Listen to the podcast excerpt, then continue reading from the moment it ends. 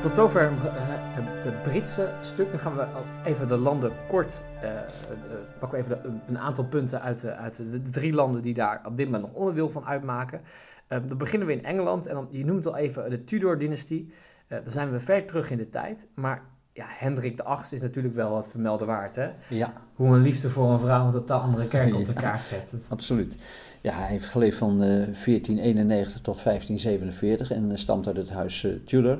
Uh, hij heeft zelfs een tijd lang heeft hij nog de titel gehad verdediger van het Rooms-Katholieke geloof. Hij was een overtuigd katholiek.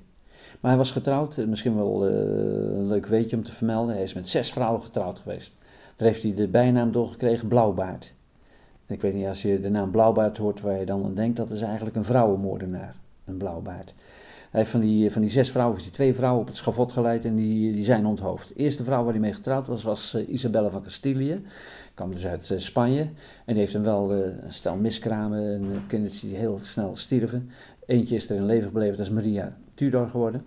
Later de term Bloody Mary heeft ze gekregen. Maar ze kon hem geen zoon schenken. En hij wilde, hij zou, hij moest een troonopvolger hebben, een man. En toen ging hij rondkijken en toen viel zijn begeerig oog op Anna Boleyn. En daar is hij toen inderdaad mee getrouwd. Maar hij kreeg geen toestemming van de paus. En uh, toen heeft de paus uh, gedreigd van ik stoot je uit de kerk als je dat doet. En heeft het toch gedaan. Uiteindelijk heeft hij meteen van die buitenkans gebruik gemaakt. Door natuurlijk meteen ook al die Rooms-Katholieke bezittingen in de vorm van kloosters, kerken, land, landerijen zich toe te eigenen. Om te kunnen trouwen met Anne Boleyn. Ja. Die uiteindelijk ook geen zoon heeft geschonken, maar ook een dochtertje. En dat is dan Elisabeth I geworden. maar die is dus onthoofd. De derde vrouw was Jane Seymour. En uh, daar heeft hij uh, een tijd lang een goede verhouding mee gehad. Heeft toen ook een zoontje gebaard. Edward de zesde geworden. Dat is zijn opvolger geworden, maar is toen gestorven bij een andere bevalling in het kraambed. Toen moest hij weer een vrouw trouwen en toen liet hij een portret Hans Holbein van een zeker Anne van Kleef komen. Leek er op het portretje aardig uit te zien, maar toen de werkelijkheid zag was aardslelijk. En daar heeft hij na één dag al afscheid van genomen, heeft hij geld gegeven en uh, ga jij maar weg. deed ze ook nog. Toen uh, Catherine Howard, dat was ook een uh, beeldschone jonge vrouw, hij begon toen zelf. Er zijn series gemaakt in het verleden over koning. Hendrik VIII. Werd steeds dikker. En als je op een paard moest, dan hadden ze echt letterlijk een spektakel van gemaakt. Een soort galg met een, een corset erin waar hij ingehezen werd. En dan moest hij zijn benen wijden met het paard onder zijn kont geparkeerd. Nou, die Catherine Howard die was op hem uitgekeken en die had jonge liefjes. En daar kwam hij achter. Die werd ook onthoofd in de Tower. En toen heeft hij nog een vrij gelukkig huwelijk gehad met Catherine Parr op het eind van uh, zijn regering. Die heeft hem overleefd. Maar hij heeft dus zes vrouwen versleten. Ja. En hij heeft ervoor gezorgd in 1534, Act of Supremacy, dat er dus een, uh, echt een eigen kerk werd gesticht, de Anglicaanse kerk, ja. waar hij ook de leider van werd. Dus hij werd wereldlijk leider en kerkelijk leider. Maar onlangs dat, dat de Anglicaanse kerk is, uh, is opgericht, waren de Tudors ook wel enorm belangrijk voor de ontwikkeling van Engeland. Hè? Ja, zeker. Uh, ze hebben echt uh, ook ervoor gezorgd dat Engeland protestants werd. Uh, behalve dan Ierland, dat wilden ze niet laten knechten.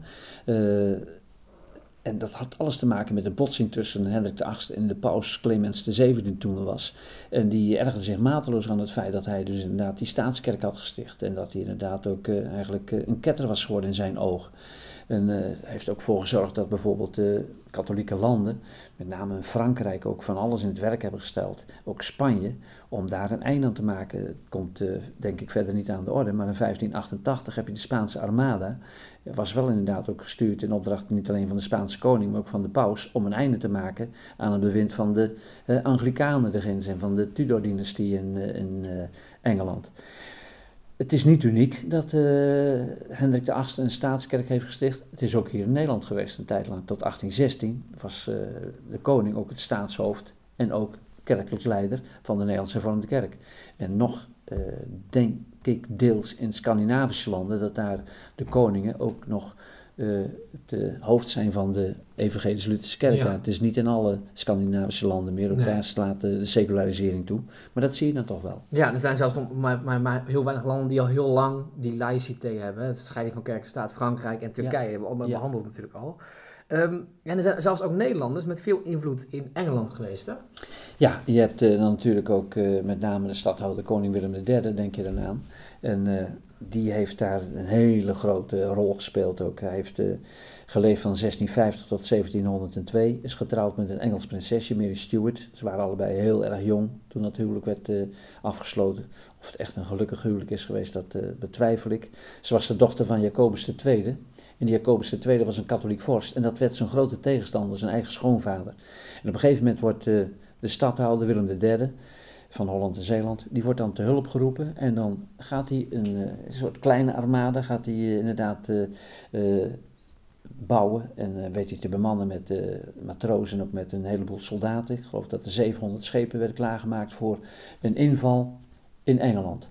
Uh, er waren 14.000 Nederlandse soldaten bij, 7.000 uh, huursoldaten van elders ingehuurd. En het is de laatste succesvolle verovering geworden in 1688, 89, dat een buitenlandse mogendheid een geslaagde landing weet te organiseren en de macht weet te grijpen in, uh, in Engeland. Ja. Het is Napoleon niet gelukt. En het is Hitler niet gelukt. Nee. Maar de stadhouder koning, die wist toen de macht te grijpen en die werd toen koning van Engeland. Ja. En die heeft daar echt ook zijn stempel gedrukt op het gebeuren in, dat machtige rijk. En ik heb daar, onlangs heb ik daar een, een soort van audio-cd over gehoord. Het was ook wel dat Jacobus, de, Jacobus heette die het schoonvader. Ja. Dat was een hele impopulaire man, hè? In, uh, in, met in, in, Engeland wel, maar in Ierland wordt hij op uh, handen gedragen. Omdat het een, uh, ja, een goede katholieke vorst is. Ja. Ik ben pas nog in Ierland geweest, maar dat is inderdaad heel opmerkelijk om dat te zien. En daar heet je dan niet Jacobus, maar heet je James, hè? King James. Oh ja, ja. Um, maar, en dan gaan we het even, even over de Tudors hebben, want wat die ook deden, is dat ze Engeland en Wales uh, samenvoegden.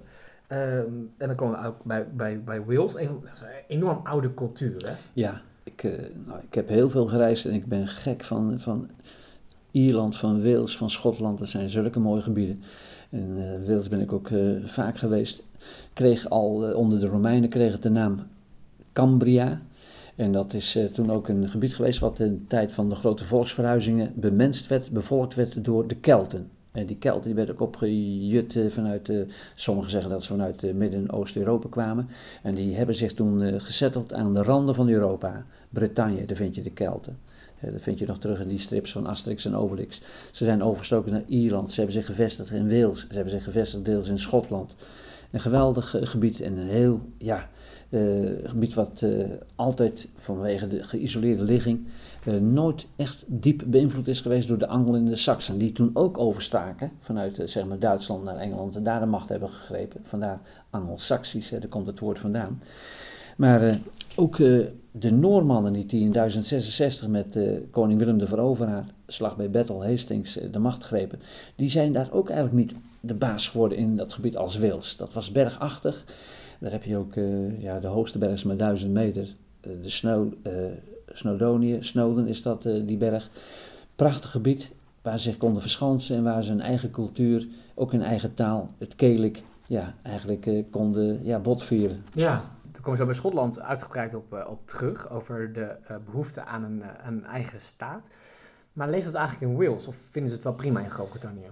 Ik denk uh, nog een keer, toen Engelse koning Hendrik VIII in 1485 uh, ook uh, Wales wist te veroveren, heeft hij ook ervoor gezorgd dat dat protestantse geloof daar ingang vond. En dat heeft daar inderdaad ook behoorlijk wortel geschoten, moet ik eerlijk zeggen. je kreeg daar natuurlijk later ook allerlei andere ontwikkelingen. Rond 1750 heb je de industriële revolutie. En dan zie je, als daar kolen gevonden worden, dat er ontzettend veel Engelsen naar Wales toe gaan. En die grijpen daar de macht, die grijpen daar natuurlijk ook uh, dat uh, gebied pikken ze helemaal in. En ook met name die mijnen en andere bronnen van bestaan, die krijgen dan inderdaad Engelse bezitters. En wat gaan ze doen? Ze verstaan er helemaal niks van natuurlijk, van die taal, dat Gaelic. En dat gaat verboden worden. En ze laten zien dat zij de machthebbers zijn. En dat wekt weer de woede op van de oorspronkelijke bevolking. En die willen wel een eigen taal in het onderwijs en de rechtspraak en bestuur enzovoort uh, terugzien. En dan uh, zie je dat er ook zo rond uh, die eeuwwisseling, 1900, dat daar een groep, dan heb je het weer, Jong Wales, van die jonge mannen, jonge vrouwen ook wel, maar vooral jonge mannen, die dan ook hervormingen willen en ook eigenlijk streven naar autonomie. En toch heeft dat nooit zoveel voet aan de grond gekregen als bijvoorbeeld in Schotland en in Ierland. Omdat de Engelsen toch ook wel inzagen dat ze Wales een beetje tegemoet moesten komen. En dat heet dan in plaats van revolution, heet dat devolution. Dat ze dan decentralisatie uh, verleenden aan het gebied, dat ze ook deels eigen bevoegdheden kregen. Ja. En het is opmerkelijk wat ik net al vertelde met die brexit, dat met name Wales echt ook gekozen heeft de brexit. Zij aan zij stond met Engeland. Dus wat dat betreft leeft dat afscheidingsgevoel veel minder in Wales dan in die andere landen. Ja, want hoe anders is dat in Schotland, hè? Ja. Eh, dan gaan we de Schotse geschiedenis even bespreken. Dan gaan we ook, ook daar eh, terug in de tijd. Want ook Schotland brak uiteindelijk met, uh, met de paus, met de Rome. Maar dat was door de reformatie, ja? niet door, de, niet door een, een getrouwde man die nee, een ander huwelijk wilde. We herdenken nu net 500 jaar geleden dat Maarten Luther de 95 stellingen aansloeg in Wittenberg in Duitsland. En hij kreeg ook een navolger. Hij stond eigenlijk meer onder invloed van Calvijn, maar dat was John Knox. Die man heeft geleefd, de een zegt 1515, de ander zegt 1513, 1514, we weten niet precies wanneer hij geboren is. Hij is overleden 1572 en dat is een reformator van, uh, van Schotland geworden. En hij stichtte de Presbyteriaanse kerk, dat echt de presbyters, de ouderlingen daar heel veel invloed hadden. Echt heel democratisch, van onderop moet een kerk bestuurd worden. Niet van bovenaf door de paus en concilies, maar van onderaf. En uh, hij is, in 1545 is hij bekeerd tot het protestantisme. En heeft er inderdaad voor gezorgd dat uh, het land protestants werd, ondanks ook de tegenwerking van die schoonvader nog jaren later natuurlijk, uh, niet meer de tijd van Knox, van stadhouder koning Willem III. Maar ook nu, je ziet het ook in Schotland, begint ook te seculariseren en heel veel de denominaties. ze zeggen het van Nederland, maar ook van Schotland. Eén Schot is gelovig, twee schotten heb je een kerk en drie schotten heb je een scheuring.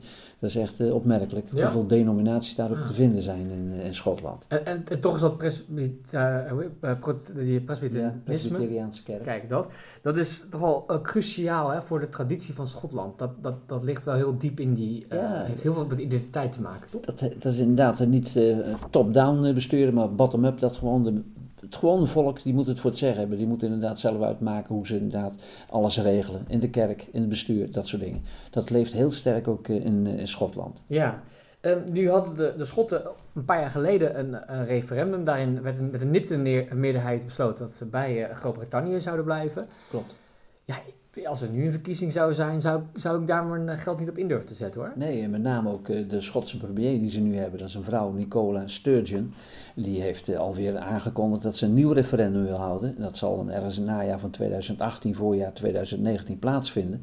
Want die ergen zich mateloos aan het feit dat de Engelsen besloten hebben uit de EU te stappen. Ja, En dat vinden ze falikant eh, tegen. hè? Falikant tegen. En Ja. je ziet dat nationalisme weer eh, ja, op geld maken. Aan de andere kant, er zit ook een handvol van die conservatieven. En juist dat kleine clubje van die, ik meen acht Schotse conservatieven, die moeten Theresa May er doorheen slepen ook eh, om een meerderheid te hebben in het parlement.